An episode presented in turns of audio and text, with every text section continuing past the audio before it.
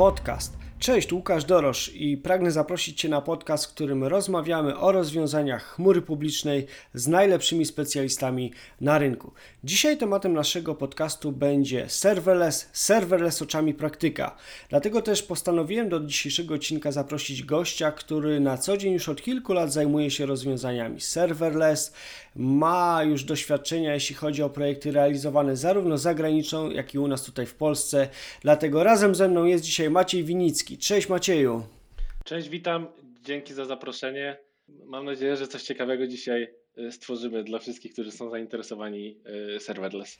Dokładnie tak, więc jakby Maćku, jeśli krótko mógłbyś opowiedzieć o sobie, czym na co dzień się zajmujesz, jak też w ogóle właśnie Twoja przygoda z tą koncepcją, tematyką, jakby to różne podejścia do tego są, no jakby ogólnie z serverlessem się zaczęła. Y, jasne.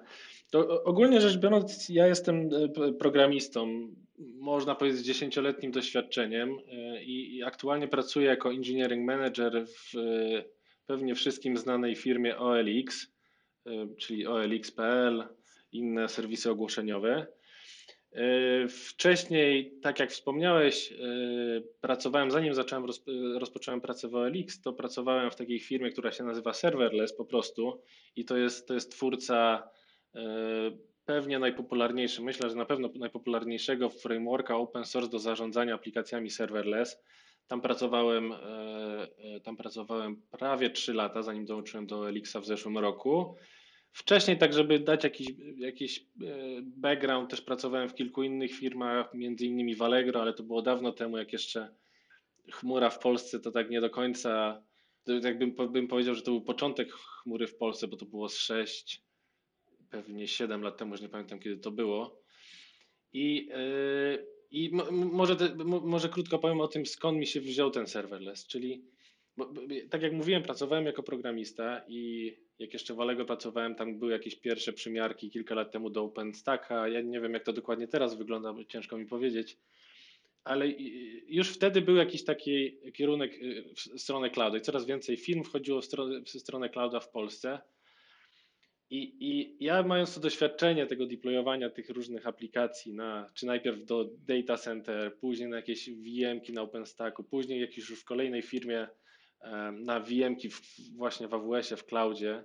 I to jest strasznie taki powtarzalny proces. I, i jak AWS znaczy, opublikował, czy jakby upublicznił usługę e, Lambda w 2014 roku, to było dla mnie w jakimś sensie objawienie, bo powodowało, że cały ten cały, cały ten wysiłek z deployowaniem aplikacji na cloudzie został bardzo uproszczony. I, i, i, w, I w takim sensie to było objawienie, że, że bardzo dużo odpowiedzialności z programisty zostaje przeniesione na infrastrukturę, co jest, co jest jak najbardziej sensowne. Ten programista może się skupić na tych ciekawszych rzeczach, że dla niektórych ciekawszych, dla niektórych mniej ciekawych, czyli jakby dostarczenie wartości użytkownikowi. I w tamtym czasie, to był 2014 rok, czy 2015, bo to mniej więcej tak na tym przełomie, ja się zacząłem interesować Lambdą. Wtedy jeszcze nie było serverless frameworka jako takiego, jak teraz wygląda. Wtedy były jakieś pierwsze przymiarki, czy Austin, czyli jest, który jest CEO e, Serverless Inc. Wtedy stworzył taki framework, który się nazywał e, JAWS czyli JavaScript on AWS, w skrócie szczęki, znaczy takie logo były takie szczęki z tego filmu Szczęki. A ja w tamtym czasie e, zainteresowałem się takim innym projektem, który się nazywał Apex e, i był stworzony w, e, przez taką osobę, która jest dość znana, bardzo znana bym powiedział w community Node.js-owym czy w Golangowym. On się nazywa TJ Hollowaychuk. I ja z nim jakby, on zaczął tworzyć ten framework właśnie Apex i ja stwierdziłem, że będę kontrybuował do tego, frameworka, on wtedy zaczynał być coraz bardziej popularny. On też polegał na tym, że po prostu pozwalał w łatwy sposób zarządzać aplikacjami serverless, znaczy w tym przypadku bardziej zbiorem funkcji lambd, e, lambda, które były deployowane na AWS-a i później po jakimś czasie gdzieś, już nie pamiętam gdzie, ale to najprawdopodobniej były hacker newsy. E, co miesiąc na hacker newsach jest taki, taki wątek who is hiring i, I tam się pojawiło ogłoszenie odnośnie pracy w Serverless Inc., czyli w tej firmie twórcy frameworka. Ja wtedy się zgłosiłem. Oni mnie jakoś kojarzyli, bo robiłem tego Apexa, a wtedy to były takie chyba dwa najpopularniejsze rozwiązania, ten, ten początkowy Serverless Framework i Apex. No i stwierdziłem, że tam, że, że, w jakimś sensie to jest przyszłość i chcę tam pracować. Tam tak, tak jakby, tak spędziłem trzy lata następne, a teraz już pracuję w OLX-ie. Okej, okay, fajnie. Słuchaj, a powiedz mi tak właśnie, bo e, no, ja też tam pamiętam te czasy, tak jakby te, tak jak wspomniałeś, te 5-6 lat temu rzeczywiście jakby ten świat chmury w Polsce to w ogóle też jeszcze był dosyć mocno raczkujący. Wtedy w ogóle jeszcze raczej też więcej nie rozmawiało się o chmurze, ale oczywiście były to wirtualne maszyny i tego typu rozwiązania, bardziej takie infrastructure as a service. No i oczywiście wiadomo, potem pojawiła się Lambda, zaczęło się wielkie wow wokół tego, że coś można zacząć robić inaczej, nie? Ale tak jak sam wspomniałeś, serverless Lambda, a tak naprawdę z czym też właśnie Ci się kojarzy? Czy, bo rzeczywiście ja tak widzę, że yy, tak było takie wyobrażenie, że serverless to lambda, ale właśnie, czy to jest tylko lambda, nie? Czy to jest coś więcej? Co, co, co myślisz na ten temat, nie? Jaka jest Twoja wizja, jakby tak spróbować zdefiniować, czy właściwie jest serverless, nie? Czy on się odnosi do lambdy, czy tylko do technologii, czy w ogóle może to jest też coś, coś więcej, nie? Jasne ja bym powiedział, że to jest dość skomplikowane, bo każdy buzzword, który, który powstaje i który zaczyna żyć trochę własnym życiem i, i teraz wiele rzeczy jest serverless. Różni prowajderzy podpinają pod to różne usługi, które nie do końca pasują w tym pierwotnym znaczeniu to, co, to, co na początku może ludzie rozumieli przez serverless, albo to, co na początku AWS definiował jako serverless. Bo ja bym powiedział, że trzeba to rozgraniczyć na takie jakby, y, można powiedzieć, trzy poziomy. I pierwszym poziomem to są, takim najniższym poziomem to są usługi cloudowe, czyli usługi w cloudzie. I przez serverless, y, moim zdaniem, możemy mówić o usługach w cloudzie, które mają kilka cech. I pierwszą cechą jest na pewno y, model y, płacenia za te usługi. To znaczy, Lambda działa w taki sposób, że jak nie używamy funkcji, to za nią nie płacimy i płacimy za każde wywołanie tej funkcji. I oczywiście w przypadku usług typu compute, to, to, to jest za każde wywołanie, za każdy jakby jakiś pracę na procesorze, to płacimy. W przypadku baz danych to pewnie trochę by inaczej wyglądało, ale na pewno ten model płacenia za te usługi to jest jakimś takim podstawowym wyznacznikiem, czy coś jest serverless, czy nie. Drugim na pewno elementem, który cechuje takie usługi serverless, w takim rozumieniu, mówię, tak jak ja to rozumiem, tak jak na początku to było trochę zdefiniowane, to jest automatyczne skalowanie.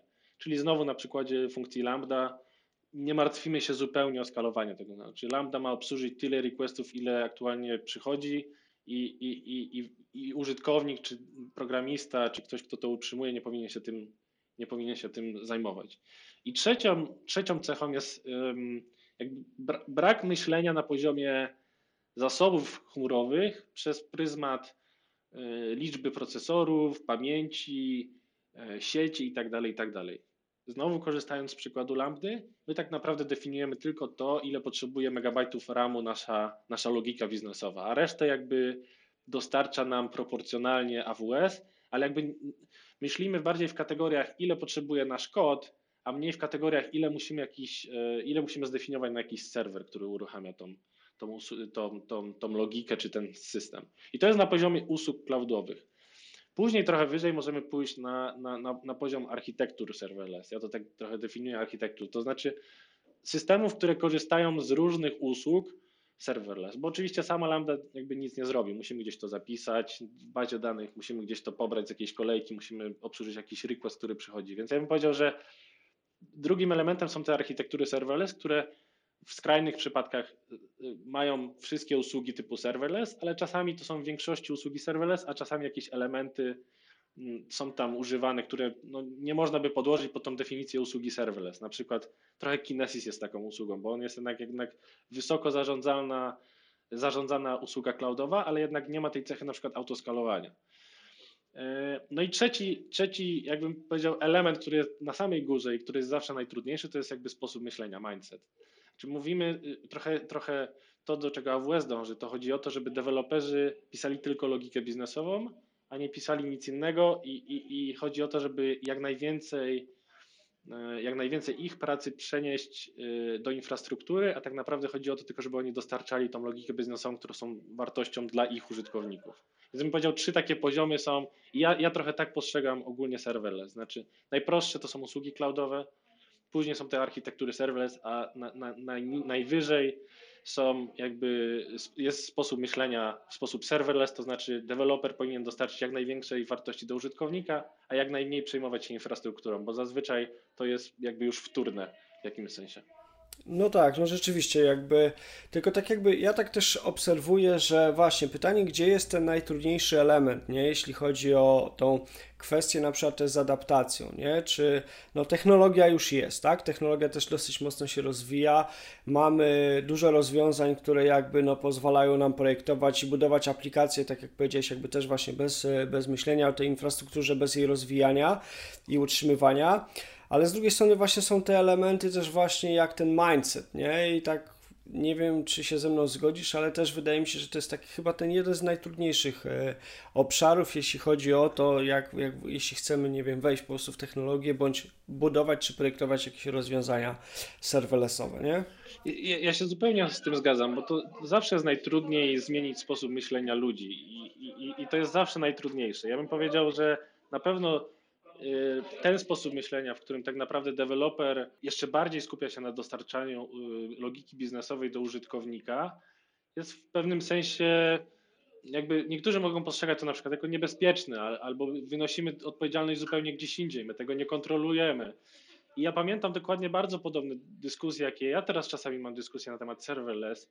Kilka lat temu, jak rozmawiałem z ludźmi na temat clouda w ogóle, jakby to, ja bardzo dużo rzeczy widzę podobnych, w sensie no tak, ale to jest drogie. I, I, dokładnie ten sam argument teraz często słyszę, że serverless jest drogi albo lambda jest droga. Że, że no dobrze, a co się stanie, a jest vendor lock-in, tak? Co się stanie, jak nie wiem, vendor nagle podniesie ceny o 10, yy, 10 razy, czy coś takiego, tak? Więc jakby to wymaga czasu po prostu i to wymaga pokazywania use case'ów, to wymaga jakby e, e, edukowania ludzi, że to nie jest takie złe, czy te, te niebezpieczeństwa tak naprawdę nie są takie złe, jak się wydają na początku.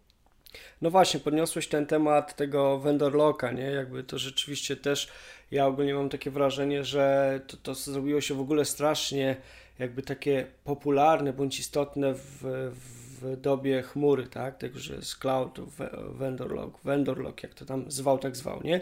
No ale rzeczywiście jakby ja też e, spotykam się z takimi komentarzami albo gdzieś tam rozmawiając z klientami, którzy na przykład myślą o wejściu w ogóle w chmurę, tak, to no oni się obawiają tego vendor locka no i tak myślę, że, e, czy widzę, że jakby zwłaszcza kiedy schodzimy do tych tematów e, właśnie architektury aplikacji tam powiemy, słuchajcie, to może zbudujmy coś właśnie w oparciu o jakieś usługi serverlessowe, te usługi wyższe niż infrastruktura as code, nie? I pojawia się właśnie zaraz chwilę to hasło, ale ten vendor locking, nie? Nie wiem właśnie jak ty to postrzegasz? Czy w ogóle na przykład też miałeś kiedyś jakieś, nie wiem, czy rozważania, czy zastanowienia, ok, jak zbudujemy aplikację, tak, w oparciu o jakieś tam wyższe usługi, no i ktoś powie, dobra, ale to potrzebujemy jakiegoś, nie wiem, planu, bądź ewentualnie jakiegoś e, nawet prostego to-do, czy w ogóle koncepcji tego, a co by było, kiedy musielibyśmy się z tej chmury przenieść do innej, nie? Mi się wydaje, to co wypracowało sobie jakieś takie community serverless, czy, czy to, tak bym powiedział, taka baza wiedzy, która teraz obowiązuje i, i ja się jakby jak najbardziej pod tym podpisuję, jest taka. Mianowicie, jeżeli idziesz do chmury jako firma i chcesz tak naprawdę korzystać z tych najprostszych usług, no to siłą rzeczy nie wykorzystujesz tego potencjału chmury. Tak? jeżeli budujemy na EC, EC2, bo myślimy, że później będzie łatwo to przenieść na VM-ki w Google Cloudzie, to po prostu, no, może to jest trochę lepsze niż posiadanie własnych maszyn, ale to jest cały czas niewykorzystywanie tego pełnego potencjału chmury. I, i, i tak sobie myślę, że to, to wszystko zależy od biznesu, to znaczy to bardzo związane jest z biznesem, to bardzo związane jest, nie wiem, z jakąś konkurencją, którą mamy, jak szybko musimy coś dowodzić, jak, war, jak ważny, jak konkurencyjny jest rynek, w którym operujemy i tak dalej, i tak dalej. Ogólnie wszystko dąży do tego, że jest bardzo, wszystkie rynki są bardzo konkurencyjne, tak? I chodzi o to, że nawet, i że te dowożenie software'u jest bardzo istotne, jak szybko dowozimy software jest bardzo istotne.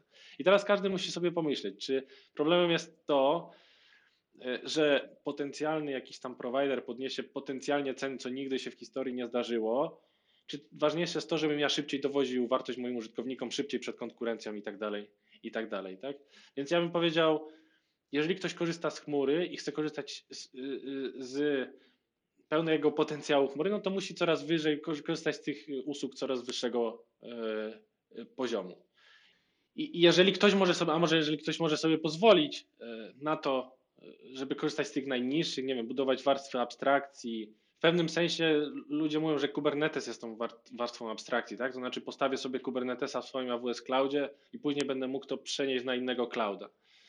No to jakby to jest też dyskutowalne, bo w jakimś sensie teraz jest vendor lock-in na Kubernetesie, tak? Znaczy zawsze jest jakiś vendor lock-in. Nawet jak korzystamy z systemu operacyjnego, to w jakimś sensie to jest vendor lock-in. I zmiana na tego na inny system operacyjny, na VMC, to też jest jakiś, to też jest jakiś koszt tego, tak? I teraz pytanie, czy lepiej jest bronić się przed tym potencjalnym kosztem, który będzie z tego wynikał, czy lepiej wyskalować szybciej swój biznes, tak? Czy dowieść szyb, szybciej, wartość swoim użytkownikom. Znaczy dla mnie to jest o, oczywiste, że to, jak szybko dowozimy wartość użytkownikom, znaczy z punktu widzenia biznesu jest zawsze najważniejsza.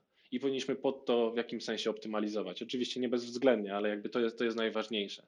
A też biorąc pod uwagę, ile jest klientów chmury, jak ludzie wchodzą, jakie wielkie firmy są na jednej chmurze, to, to jakby ja, ja nie widzę zupełnie ryzyka takiego, że AWS przychodzi i mówi, że podniesie ceny kilkukrotnie, bo już jakby na samym rynku clouda e, są, są, to nie jest tak, że już AWS naprawdę jest dominującą, dominującym prowajderem. Ten Microsoft tam dogania, ten Google Cloud jest cały czas gdzieś tam trochę dalej, ale już na samym tym rynku jest konkurencja, więc jakby Microsoft podniósł, znaczy no nie Microsoft w przypadku AWS podniósł ceny, nie wiadomo jak, to to by było zabicie tego biznesu, więc jakby jeżeli słyszę, że argumentem jest to, że provider zniknie, podniesie ceny, to ja trochę nie kupuję tego argumentu w takim sensie.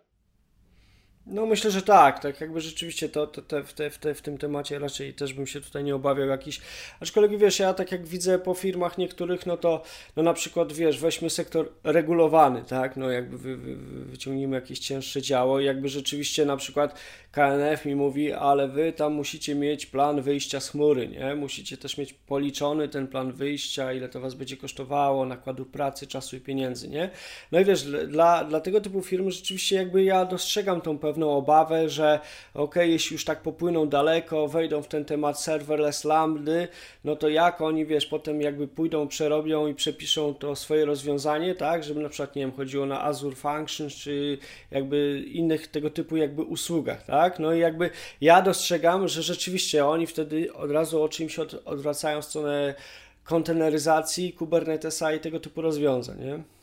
Ja trochę to challenge'uję, bo moim zdaniem przeniesienie logiki biznesowej, która jest w Lambdzie, na cokolwiek innego, czy tam na kontenery, czy nawet na wirtualki, to jest naj, naj, najprostszy sposób. Znaczy możemy pisać Lambdę w taki sposób, żeby tak naprawdę ta, to, że to jest Lambda, to wiedziała tylko jakaś cienka warstwa komunikacyjna, transportowa przy przyjmowaniu eventów w Lambdzie, a tak naprawdę cała logika biznesowa może być zamknięta w modułach, które są zupełnie abstrakcyjne od y, infrastruktury, czy to, gdzie to jest uruchamiane.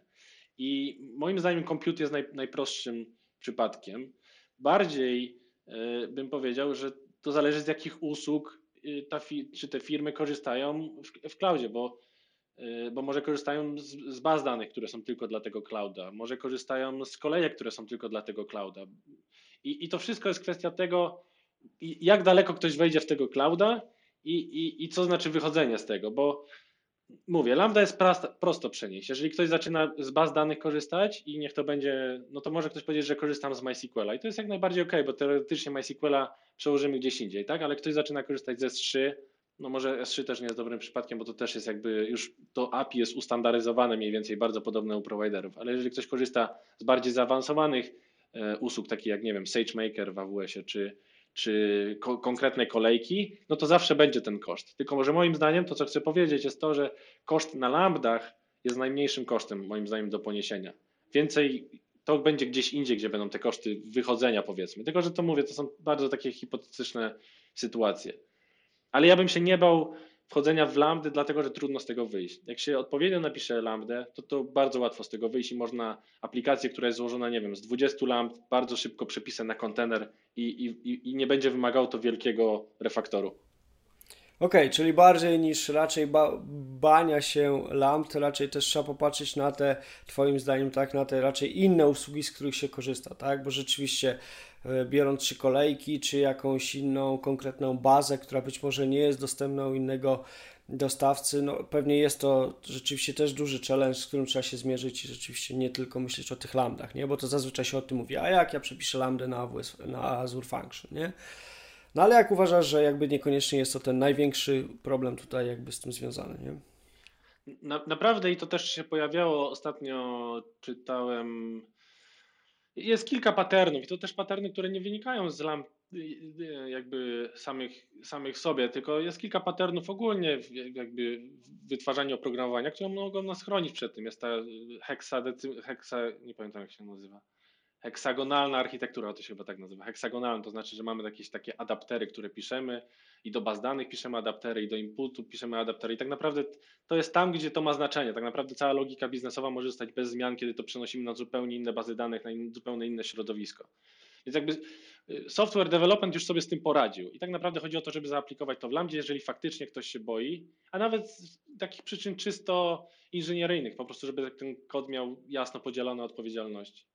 Spoko, no rozumiem, czyli jakby można powiedzieć też, że jakby nie, nie może nie do końca tak naprawdę w ogóle tematyką wejścia bądź wyzwaniem związanym we, z wejście w ogóle w budowanie czy tworzenie aplikacji serverlessowych, niekoniecznie technologia jest tym jedynym takim wyzwaniem, z którym trzeba się zmierzyć, nie? Bo właśnie, co tak naprawdę, co ty dostrzegasz, co właśnie może być takimi najwy, największymi wyzwaniami, nie? Może technologicznymi, też jakby mindset, o mindsetie mówiliśmy, ale z punktu widzenia technologii, nie? Czy jakby ona rzeczywiście już dzisiaj jest... E, tak dojrzała, że jakby tworzenie tych aplikacji nie jest już jakby y, tak strasznie problematyczne, bądź nie wiem, wszystkie problemy, które, które znamy ze świata takiego bardziej klasycznego, na które mamy tule, na które mamy rozwiązania, jak nie wiem, jakieś CICD, czy jakieś inne w ogóle e, rzeczy związane właśnie, czy tutaj jakby są jeszcze takiego typu problemy, nie? Takie wynikające może z nowości, niedojrzałości technologii? Ja bym powiedział, że jest kilka obszarów. Na pewno pierwszym obszarem to, o co, tak jak już wcześniej mówiłem, to są koszty tego. Znaczy, ludzie nie do końca czują, ile to będzie kosztowało. I, i, I, z jakiegoś powodu się wydaje, że to będzie automatycznie droższe niż istniejące rozwiązanie, które, które ktoś ma. A to wszystko bardzo zależy no, głównie od skali, bo, bo, bo, za to się płaci w Lambdzie czy w innych usługach typu serverless, które są, za które się płaci faktycznie za używanie tej usługi, czyli za to, ile wywołujemy tą usługę, ile tam danych przes, prze, przesyłamy, ile przechowujemy. Więc koszty jest na, na pewno istotny element i moim zdaniem to, to, jest, to jest na poziomie tylko jakby edukacji. Znaczy pokazanie, że tak naprawdę to nie jest takie drogie, E, jakby zlikwiduje ten w jakimś sensie problem. Oczywiście, czy ja mówię, że można by Facebooka puścić na Lambdzie i że to miałoby sens? No pewnie by nie miało żadnego sensu.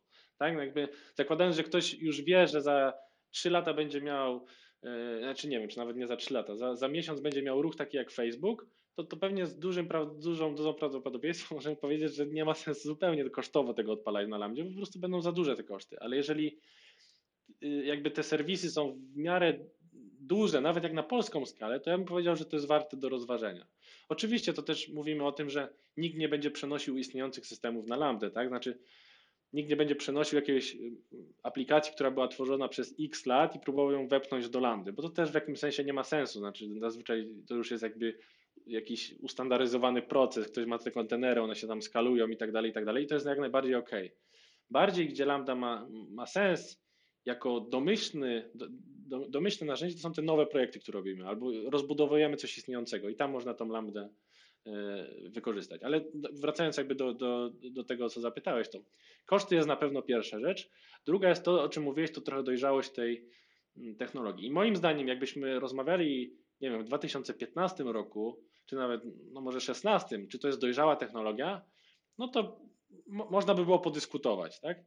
Ale tak jak rozmawiamy dzisiaj, to ja nie widzę żadnych powodów, żeby ktokolwiek miał y, obiekcje czy, czy jakieś wątpliwości co do tego, czy y, Lambda, czy ogólnie AWS Lambda jako usługa w AWS-ie jest w stanie obsłużyć jakiś ruch, czy to performanceowo będzie ok i tak dalej, i tak dalej. To moim zdaniem to, to już nie są tematy. Był przez jakiś czas i to, i to był często podnoszony temat cold startu, tak, że jakby jak nasza funkcja startuje, to, to, to trzeba chwilę poczekać, jak, i, i, i to, co ja zauważyłem przez te lata, jak, jak się tym zajmuję, to to, że AWS pokonał, wykonał ogromną pracę, żeby to zminimalizować. Znaczy, moim zdaniem, jeżeli piszemy funkcje w takich językach jak Node.js, Python czy Go, e, tak, z, z grubsza, to ten cold start jest tam nieistotny. Jakby to, to w ogóle nie, to nie jest problemem. Oczywiście to trochę jest problemem w takich językach jak Java, gdzie ta sama maszyna wirtualna musi wystartować i to trochę czasu zajmuje i tam są różne statystyki, które pokazują, że to kilka sekund może startować. Więc y, w tym przypadku, jeżeli to są procesy takie online'owe, czyli request response, a nie jakieś asynchroniczne procesy, to pewnie ta, ta, ta, ta, ta Java się do tego nie nadaje. Ale też widzę, jak to się, jak to się bardzo polepsza z, z czasem. I też jak widzę, jak AWS wykonał, wykonał ogromną pracę, żeby ten czas zminimalizować. I, I ja bym powiedział, że ten cold start już dzisiaj nie jest problemem. Jeszcze jak w zeszłym roku był w jakimś sensie problemem dla funkcji, które były w VPC, to na reinvencie, to nawet chyba było przed reinventem, to już ogłosili, że to też nie jest problem. Że jakby przebudowali zupełnie jak lambdy się wpinają w VPC i już nie ma też cold startu dla lamp, które są w VPC, bo tam trzeba było stworzyć e, network interface i to trochę czasu zajmowało. Teraz to jest zupełnie przebudowane i, i, i to działa zupełnie inaczej, to działa tak samo jakby lambda nie była VPC. Więc pod względem performance'u to, e, to też moim zdaniem to, to, już nie jest temat. Znaczy może był kilka lat temu, teraz zupełnie to, jest, to, to nie jest temat, którym ktokolwiek powinien się y, przejmować. Co jeszcze? No to jest ten temat vendor lock-inu, o którym rozmawialiśmy, tak? Ale powiedzmy, że już to przedyskutowaliśmy. Więc ja myślę, jakby żeby to jakoś podsumować, ja myślę, że przede wszystkim wiedza, znaczy przede wszystkim wiedza, która, trzeba dostarczyć wiedzę, która adresuje właśnie te problemy z kosztami, Pewnie trochę jeszcze z performancem, bo przecież to, to, to my wiemy, ludzie, którzy siedzą w AWS, że ten cold start już nie jest problemem w większości przypadków, tak? ale ludzie na zewnątrz jeszcze mogą tym nie być o tym świadomi. Więc ja myślę, że dużo potrzeba jakiejś tam y, wiedzy, propagowania wiedzy, żeby, żeby jakby z tymi rzeczami się uporać. No właśnie, wspomniałeś o temacie e, o wiedzy, tak? I właśnie czy teraz, nie wiem, taka osoba, która na przykład, nie wiem, wchodzi w świat IT, może nie wiem, skończyła studia i zaczyna swoją przygodę w, ogólnie w obszarach technologii, bądź nie wiem, a może jest nawet jakimś doświadczonym już, nie wiem, programistą, deweloperem, czy inną osobą jakby pracującą w technologii, czy jakby zaczęcie używania, e, budowania e, aplikacji w, powiedzmy w tym modelu, w tej nowym podejściu serverlessowym wymaga jakichś konkretnych umiejętności, które nie wiem, trzeba pozyskać, nie? Czy co, co ty na to uważasz? Nie? Jakby co, co, co trzeba zrobić? Co taka osoba, która chciałaby, ok, to ja bym chciał zacząć robić, jakby próbować coś jakby swoich sił, próbować coś tworzyć w tym modelu, co, co tak naprawdę na czym warto się skupić, gdzie ewentualnie szukać jakiejś, jakiejś sensownej wiedzy, nie? czy informacji. Weźmy może taki, przeprowadźmy eksperyment. Chcemy napisać jakieś API, które odpowiada tam, jak na requesty JSON odprowadza, odpowiada jakimś JSONem. I jakby w starym świecie, nazwijmy to starym światem, byśmy musieli napisać jakiś kontener czy jakąś VM, która po prostu stawia serwer HTTP, przyjmuje to, tam jest jakiś handler tego kodu i zwraca to. I jakby różnica jest taka oczywiście w przypadku korzystania serverless, z Lambda, z API Gateway, a w tym konkretnym przypadku jest taka, że po prostu są osobne usługi, czyli requesty przyjmuje API Gateway, a jakby obsługa tego requestu, y, za obsługę tego requestu odpowiada Lambda. No jest to trochę inaczej niż, nie wiem, ludzie się uczą na studiach, niż, niż tak jak mówię, tradycyjne podchodzenie do, do pisania jakichś tam serwerów HTTP. I to jest, ta, to jest na pewno ta różnica, tą wiedzę trzeba zdobyć. Ale z drugiej strony, jak się patrzy na frameworki, czy to jest serverless framework właśnie, czy to jest SAM, czy to są jakieś inne frameworki, one trochę abstra abstrahują ten problem. To znaczy piszemy swoją logikę, tu podpinamy, że to przychodzi, że to będzie wywoływane na ten request HTTP i się trochę nie przejmujemy, że tam pod spodem jest API Gateway czy coś takiego. Więc jakby narzędzia powodują, że to jest dużo łatwe do, do, jakby do, do zaczęcia y, pracy z tym i, i, i trochę powoduje, że to jest, znaczy trochę, moim zdaniem bardzo powoduje, że to jest dużo łatwiejsze do, do zrozumienia, jak to działa. No dobra, a co myślisz, jeśli chodzi o. Zmienię tak może teraz trochę kierunek naszej rozmowy. Serverless w Polsce. Jak, jak ty to dzisiaj widzisz? E, czy widzisz w ogóle jakieś projekty, które realizują się w Polsce? Czy w swojej pracy, czy w firmie, w której pracujesz, wy też jakby, nie wiem, czy stosujecie, czy w ogóle może myślicie o, o jakby projektowaniu, budowaniu aplikacji w tym modelu? Jeżeli chodzi o Polskę, to Polska jest też specyficznym, znaczy specyficznym, może nie, ale no, zawsze te rzeczy te nowinki techniczne przychodzą do nas z jakimś opóźnieniem. I, i, I tak jak adopcja clouda w Polsce jest cały czas na niskim poziomie, to de facto adopcja serverless jest pewnie na niższym poziomie niż jest w innych krajach, czy to w Stanach, no już nie porównując do Stanów, ale w zachodniej Europie. Więc ja bym powiedział, my jesteśmy trochę wcześniej na, na, na tej ścieżce. Czy tam dojdziemy? patrząc w jakim kierunku idzie ogólnie trend i, i że jakby ta, ta lambda staje się coraz bardziej popularna, czy usługi ogólnie serverless z, z oczywistych powodów, nawet nie, nie wspomnieliśmy o tych korzyściach w najprostszym, jakby żeby to jakoś y, najprościej podsumować, to po prostu programiści są dużo bardziej produktywni, w dużo krótszym czasie są w stanie dowieść jakąś wartość korzystając. Bardzo ogólnie mówię, tak? Oczywiście, bo to możemy jakby na konkretnym przypadku to może wyglądać bardzo różnie, ale ogólnie chodzi o to, żeby zwiększyć, e, zwiększyć produktywność e, programistów. Więc, więc chodzi o to, że my jesteśmy w Polsce na, na etapie początkowym. Niemniej, jakby ja przez to, że pracowałem w serverlessie, też różne firmy również z Polski się odzywały do firmy serverless. Ja też e, jeszcze jak pracowałem w serverlessie w ramach mojej pracy, mimo że tam byłem zatrudniony jako software engineer, to też pomagałem kilku firmom w Polsce jakby zrozumieć o co w tym chodzi, jakieś szkolenia i tak dalej. Więc ja bym powiedział, to się zaczyna dziać, tylko że to jest trochę dalej. Co do mojej firmy, czyli, OLX, jakby no ja, ja też bym nie, nie, nie chciał, nie przyszedł pracować do Elixa, jeżeli tutaj by zupełnie nie było serverlessa. Znaczy ja mogę powiedzieć też, żeby za dużo nie powiedzieć, OLX korzysta z serverlessa i korzysta coraz więcej. E, I, I, myślę, że jest już dużo różnych przypadków użycia u nas w firmie wewnętrznie, gdzie ten server, serverless jest. E, ale czy OLX stoi na serverlessie? Oczywiście nie i nie sądzę, żeby to miało sens robienie czegoś takiego, ale z czasem myślę, że jakieś nowe usługi, które powstają i tak dalej, będą, może nie wszystkie, zależy od, od konkretnego przypadku i tak dalej, ale jakby widzę ten trend, że też się zwiększa u nas w firmie. Ja też mogę powiedzieć, że mój zespół, którym, którym ja jestem engineering managerem, ma rozwiązanie, które jest w 100% serverless. Znaczy my yy, jakby w ogóle nie mamy serwerów, a to, co jakby to, czym się zajmujemy, to jest taki e, serwis tam z okolic e, szukania pracy i tak dalej. On się nazywa spot.olx.pl i tam nie ma, tam jakby ten serwis zupełnie nie ma żadnych serwerów. Tam wszystko jest na lambdach, na API Gatewayu, na CloudFroncie i tam bazy danych um, Dynamo i tam różne kolejki. Więc ja bym powiedział, są już takie miejsca, pewnie w OLX, ale też bym pewnie w Polsce by się znalazło, gdzie już, gdzie już to jest zupełnie za, zaadoptowane. No właśnie, a teraz tak się zastanawiam, nie? Co, co, co ewentualnie jest potrzebne, nie? Dlaczego jeszcze, jeszcze jesteśmy kawałek z tyłu i co potrzebne, żeby to ruszyło bardziej do przodu? Czy to jest kwestia zmiany mindsetu, pozyskania umiejętności, a może jakiś czas musi upłynąć, nie wiem, pokolenia się muszą wiesz, zmienić, wiesz, jak dobrze pewnie wiesz, przyzwyczajenia ciężko czasem się zmienia.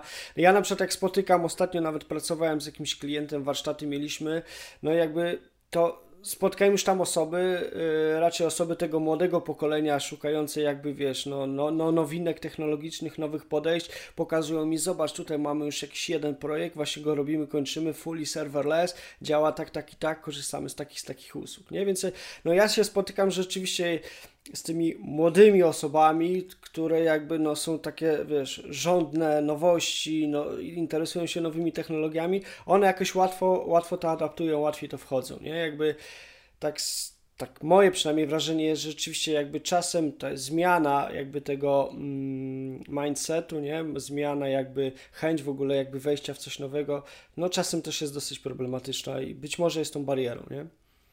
No, na pewno, na pewno tak jest. Ale ja tak, jak, jak sobie myślę, dlaczego może my jesteśmy trochę z tyłu, znaczy, ciężko mi powiedzieć. Znaczy, bym wrócił do tego, co powiedziałem wcześniej, to znaczy adopcja chmury ogólnie w Polsce jest na, na dość niskim poziomie w porównaniu do innych krajów europejskich czy tak zwanego zachodu. To jest pierwsza rzecz na pewno. Znaczy, im więcej będą firmy adoptowały chmurę w ogóle, to tym więcej będzie rozwiązań serverless. Dla pewnie dla tych nowych systemów nie dla tych starych, bo znaczy nikt nie będzie przepisywał starych systemów tylko po to, żeby były na serverless, bo to jest po prostu bez sensu. Ale myślę, że to będzie jakby to, to, to jest razem idzie, tak? Na pewno jakimś aspektem jest to, że tak jak mi się wydaje, ale nie mam jakichś twardych danych, tylko to, to jest moje bardziej wrażenie, pewnie z jakichś tam dyskusji, które kiedyś prowadziłem z różnymi ludźmi, że AWS nie jest najpopularniejszą chmurą w Polsce. Tak? A, jakby ten serverless to tak najbardziej w tym AWS jest. To, to on stworzył AWS Lab, to, to jakby ten, ten cały ruch się, ruch, może złe słowa, ale ten cały trend rozpoczął się od AWS-a. Jeżeli AWS będzie zwiększał swoje, e, swoją popularność w Polsce, to tym samym też będzie serverless e, bardziej popularny e, w Polsce. Ale jakby, jakby reasumując, to zawsze jest edukacja, tak? Edukacja, edukacja, edukacja i jeszcze jest edukacja i, i, i reklamowanie pewnych rozwiązań, ich plusów, dlaczego one są lepsze niż te stare rozwiązania jest potrzebne i, tak, i to trzeba robić i, i, pewnie to, co my możemy, ludzie z tak zwanego community możemy robić, to tylko to robić.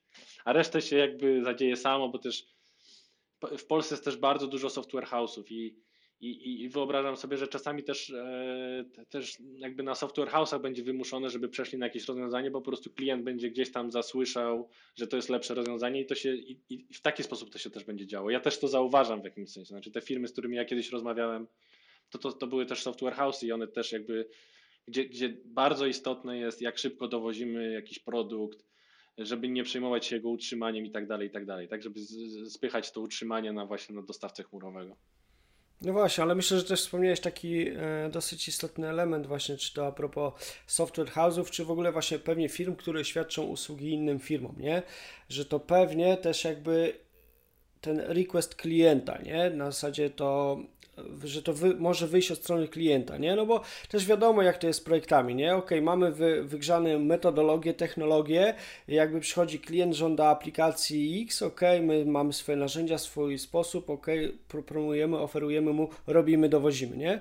No jakby wejście w nowe zawsze wymaga troszeczkę tego nakładu czasowego, no co na koniec no, przekłada się na pieniądze, nie? Jakby z tym też związane, e, żeby wejść, jednak zrobić coś po nowemu, ale tak jak wspomniałeś, nie? Jeśli rzeczywiście jakby to też będzie wychodzić i wychodzi pomału od klientów, no to jakby to dostosowanie się jakby tej drugiej strony też pewnie naturalnie no po prostu będzie musiało nastąpić.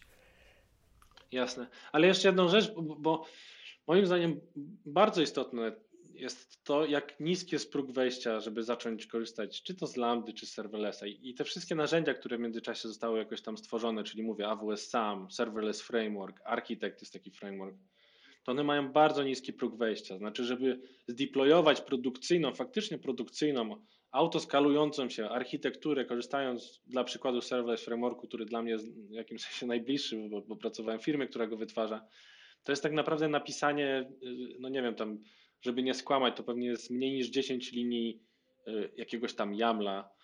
YAM, czy to jest YAM, to jest inny, inna kwestia, ale jakby napisanie jakiegoś bardzo prostego konfigu, który jest jakiś banalny, robimy serverless deploy i to już, to, to, już jest produkcyjnie, znaczy to ktoś może na to wejść, to się, to się nie wywali, zakładam, że kod się nie wywali, ale to obsłuży tyle requestów, ile musi obsłużyć i tak dalej, i tak dalej, więc jakby ten próg wejścia, żeby coś, jakby time to value, to jest taka metryka z AWS-a zdaje się, że ile czasu zajmuje nam do, do dowiezienia wartości użytkownikowi jest zminimalizowany moim zdaniem. I, i, to jest, I to jest kluczowe, to jest też dlatego, dlaczego ludzie z tego, chcą z tego korzystać.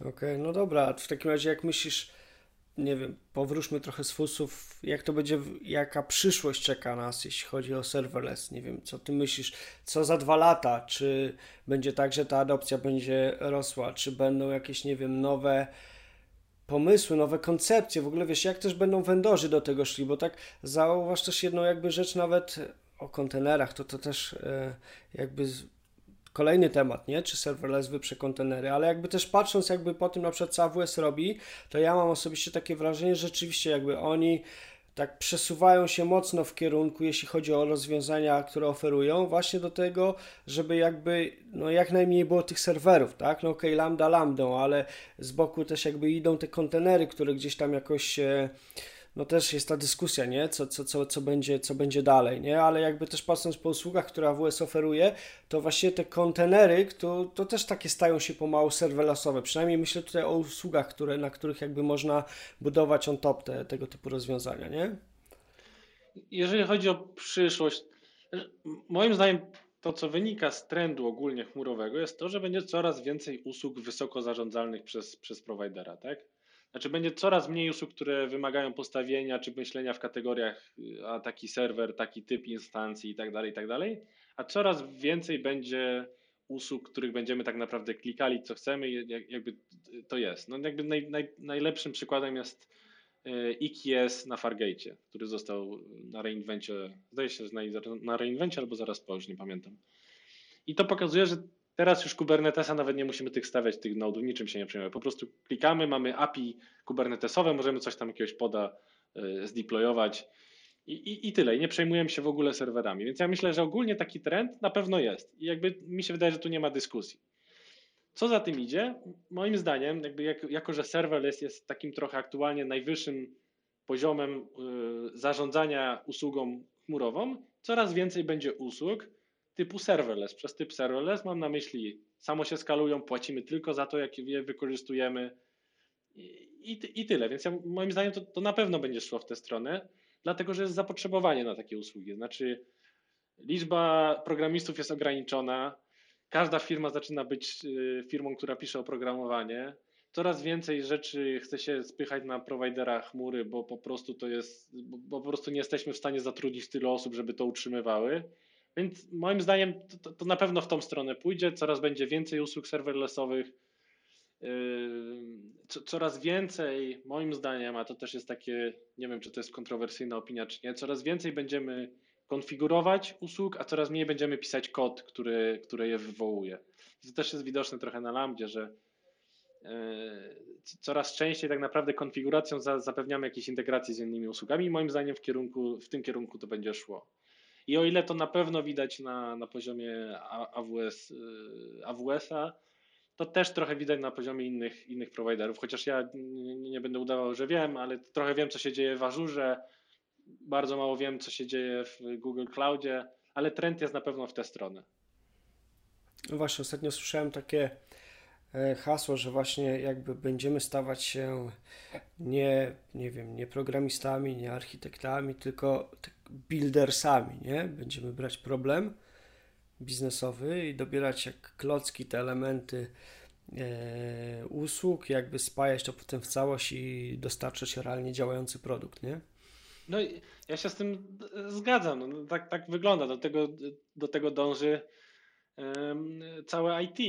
W takim sensie moim zdaniem to jest jak najbardziej sensowne, bo, bo, bo programiści powinni, czy programiści, czyli w tym przypadku ci buildersi powinni rozwiązywać problemy użytkowników, y, znaczy biznesu, a nie konfigurować po raz enty serwer HTTP, bo przecież to, to nie jest w żaden sposób w pewnym momencie już interesujące, a to jest bardzo wtórne, tak? Jakby. Więc moim zdaniem tak, to w tę stronę idzie, się zupełności z tym zgadzam, będziemy wybierać te klocki, składać z tych klocków jakieś systemy. Okej, okay, to w takim razie jeszcze jedno trudne pytanie. Czy serverless wyprze kontenery? To, to, to jest bardzo dobre pytanie. To jest niekończąca się dyskusja w różnych miejscach na Twitterze czy na jakichś różnych miejscach w internecie. Ja myślę, że, e, że na pewno nie prędko.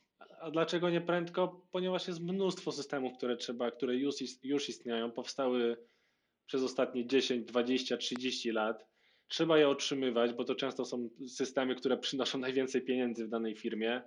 I o ile nowe rzeczy można pisać, e, nowe rzeczy można pisać już w Lambdzie, to, to, to, rzadko się, to rzadko firmy decydują się na przepisywanie, co jest bardzo zrozumiałe i jak najbardziej ma sens. Przepisywanie systemów dla samego przepisania tych systemów. No ile, o ile one działają jako tako i jakieś takie legacy systemy, o ile one działają, przynoszą pieniądze i można je w jakimś sensownym czasie znaczy można je utrzymywać ogólnie, są ludzie, którzy je utrzymują, to po co to robić, tak? Więc z, z takiej perspektywy patrząc, moim zdaniem kontenery będą jeszcze długo, to też jest trochę dyskusja, czy Kubernetes będzie jeszcze długo, moim zdaniem będzie długo. Pytanie, i czy my będziemy stawiać ten Kubernetes, czy ktoś za nas będzie stawiał ten Kubernetes, czy my będziemy się zastanawiać, jaki ma rozmiar mieć node, czy to już będzie czy będziemy mieli tylko API, które nam pozwala robić kubectl i coś tam, coś tam wypuszczać, zupełnie nie martwiąc się na jakiej infrastrukturze to jest wypuszczone. Więc kontenery będą, ale też moim zdaniem, czy to będą kontenery, czy Kubernetes, to będzie szło w, stronę te, w tą stronę, że nie będziemy się przejmować, jakie serwery pod spodem odpalają te kontenery, tylko że po prostu musimy odpalić ten kontener, tyle potrzebujemy RAMu, tyle CPU i to się stanie i tu provider, y, provider to zrobi. Z czasem będziemy płacić tylko jak te kontenery są faktycznie wykorzystywane, a nie jak nic nie robią. I to tak naprawdę będzie serverless, a że to będzie kontener, a nie y, nie wiem, plik y, index.js, w którym jest kod lambdy, to to nie ma znaczenia. Chodzi o to, żeby użytkownik w najkrótszym czasie mógł dostarczyć jakąś wartość. Chyba powtarzam to z dziesiąty raz teraz, ale tak naprawdę to o to chodzi. Bo teraz to wiesz, wszędzie tylko wartość, wartość, wartość. Wartość dla klienta, wartość dla e, konsumera, dla każdego. E, słuchaj, okej. Okay. Rzeczywiście myślę, że, że, że ja też to tak troszeczkę postrzegam, że, że, że będzie szło w to w takim kierunku, idzie to właściwie w takim kierunku, patrząc po tym, jak to, jak to robi AWS, to co już też przed chwilą rzeczywiście wspominałem, że patrząc chociażby po ostatnim reinvencie, nie? jakby to, te usługi rzeczywiście one jakby wchodzą tak jakby na kolejne poziomy i żeby jak najdalej odchodzić od tych tematów właśnie konfiguracji, odpalania wirtualnych maszyn, bo przecież jakby ile to można robić, nie? I to jest właśnie pytanie, czy to, to daje nam rzeczywistą wartość. Słuchaj, e, rozmawialiśmy też już trochę o edukacji, ale jeszcze jest taki jeden temat, który chciałbym poruszyć. Pamiętam, rozmawialiśmy o nim na, na reinwencie, e, gdzieś tam przy kawie. Nowa chmura, projekt Nowa Chmura to jakaś Twoja chyba nowa inicjatywa, którą, którą rozpędzasz z początkiem roku. Co to takiego? Co, coś możesz powiedzieć na ten temat więcej? Yy, jasne. Rozmawialiśmy o tym, bo tak naprawdę trochę, trochę mnie to, te nasze rozmowy, które prowadziliśmy na, na reinwencie, trochę dały mi do myślenia yy, i trochę mnie zmotywowały, żeby to zrobić. Bo, bo tak naprawdę nie ma wielu miejsc i to, i to było główna przyczyna, dlaczego ja stwierdziłem, że stworzę taką stronę Nowa Chmura, zaraz powiem co to jest. Ale nie ma wielu miejsc w polskim internecie po polsku, które mówią o tym, czym jest serverless i generalnie edukują w, w tej kwestii. I, ja jakby jakąś wiedzę zgromadziłem siłą rzeczy, pracując czy to w Serverless Inc., czy w ogóle się jakby interesując tym tematem. I chodzi o to, żeby tą, tą, tą wiedzę propagować. I tak jak rozmawialiśmy, ja sobie wymyśliłem, że może stworzę na razie jakiegoś bloga. Też zamierzam zaraz odpalić newsletter, który będzie po prostu cotygodniowo opisywał, co tam się dzieje, jakieś, jakieś ciekawostki, wydarzenia, które się dzieją w Polsce, stricte na temat serverless, czy trochę też na temat chmury, e, czy jakieś nowe ciekawe blogposty, nowe podcasty i tak dalej, i tak. Na razie odpaliłem bloga, napisałem kilka wpisów. E, jak na razie jest ok, bo jest połowa koniec lutego, y, jak, jak rozmawiamy, to jest koniec lutego, ja cały czas mam chęć, żeby pisać, więc to jest ok. Nie, nie.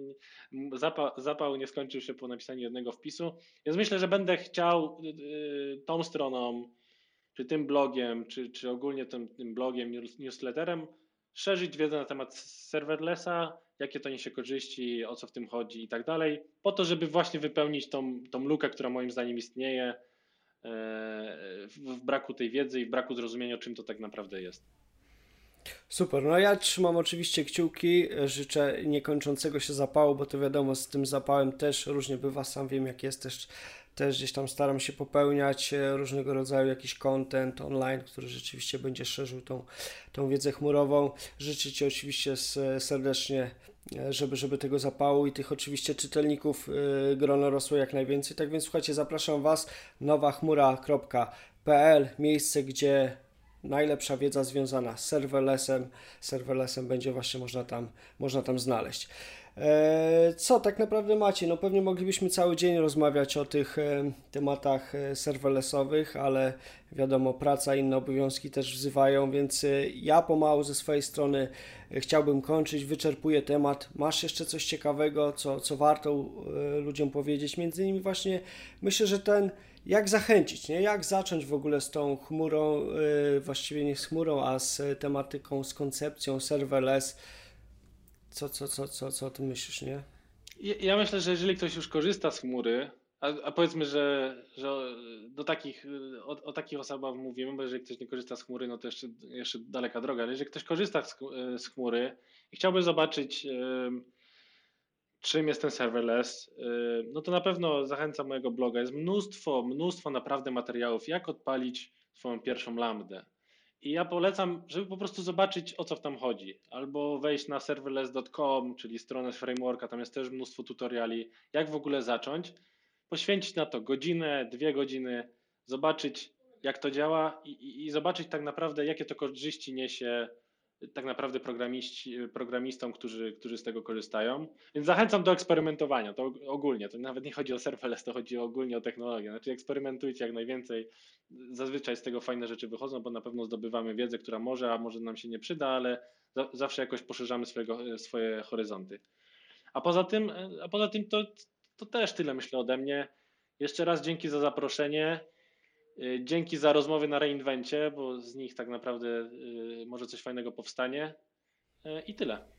Dzięki Maciej serdecznie również za Twój czas. Słuchajcie, będziemy kończyć pomału nasze dzisiejsze, nasze dzisiejsze spotkanie. Pamiętajcie, nowachmura.pl. E, Maćku, poza tym, gdzie jeszcze ewentualnie można Cię znaleźć w czeluściach sieci internetowych? Na pewno jak wejdziecie na nowa chmura.pl, tam jest taka strona o autorze, tam jest link do Twittera. Y, mój, mój handle na Twitterze jest dość skomplikowany, więc nie będę go teraz literował, po prostu tam jest link. Na LinkedInie wrzucam, no staram się regularnie wrzucać też jakieś ciekawe rzeczy, które pewnie później też będą e, w newsletterze. A tak ogólnie mój e-mail to jest maciejmałpa.nowachmura.pl. Super, dzięki. Tak więc wie, wiecie, gdzie, gdzie można spotkać Macieja, gdzie można namierzyć Macieja. Słuchajcie, oczywiście jak zwykle gorąco zachęcam e, do podzielenia się, jeśli ten odcinek rzeczywiście był dla Ciebie interesujący, był dla Was interesujący. Podzielcie się nim z innymi, wrzućcie gdzieś na swoje social, wrzućcie gwiazdkę na, na podcast, to oczywiście jakby pomoże nam e, gdzieś tam wyjść w czeluściach e, podcastowego świata, ukazać się i dotrzeć do jeszcze większego grona ludzi. Tak więc e, serdecznie Was o to proszę. A tymczasem życzę Wam miłego dnia, popołudnia lub wieczoru i do usłyszenia w następnym odcinku podcastu Cloud Heroes. Cześć!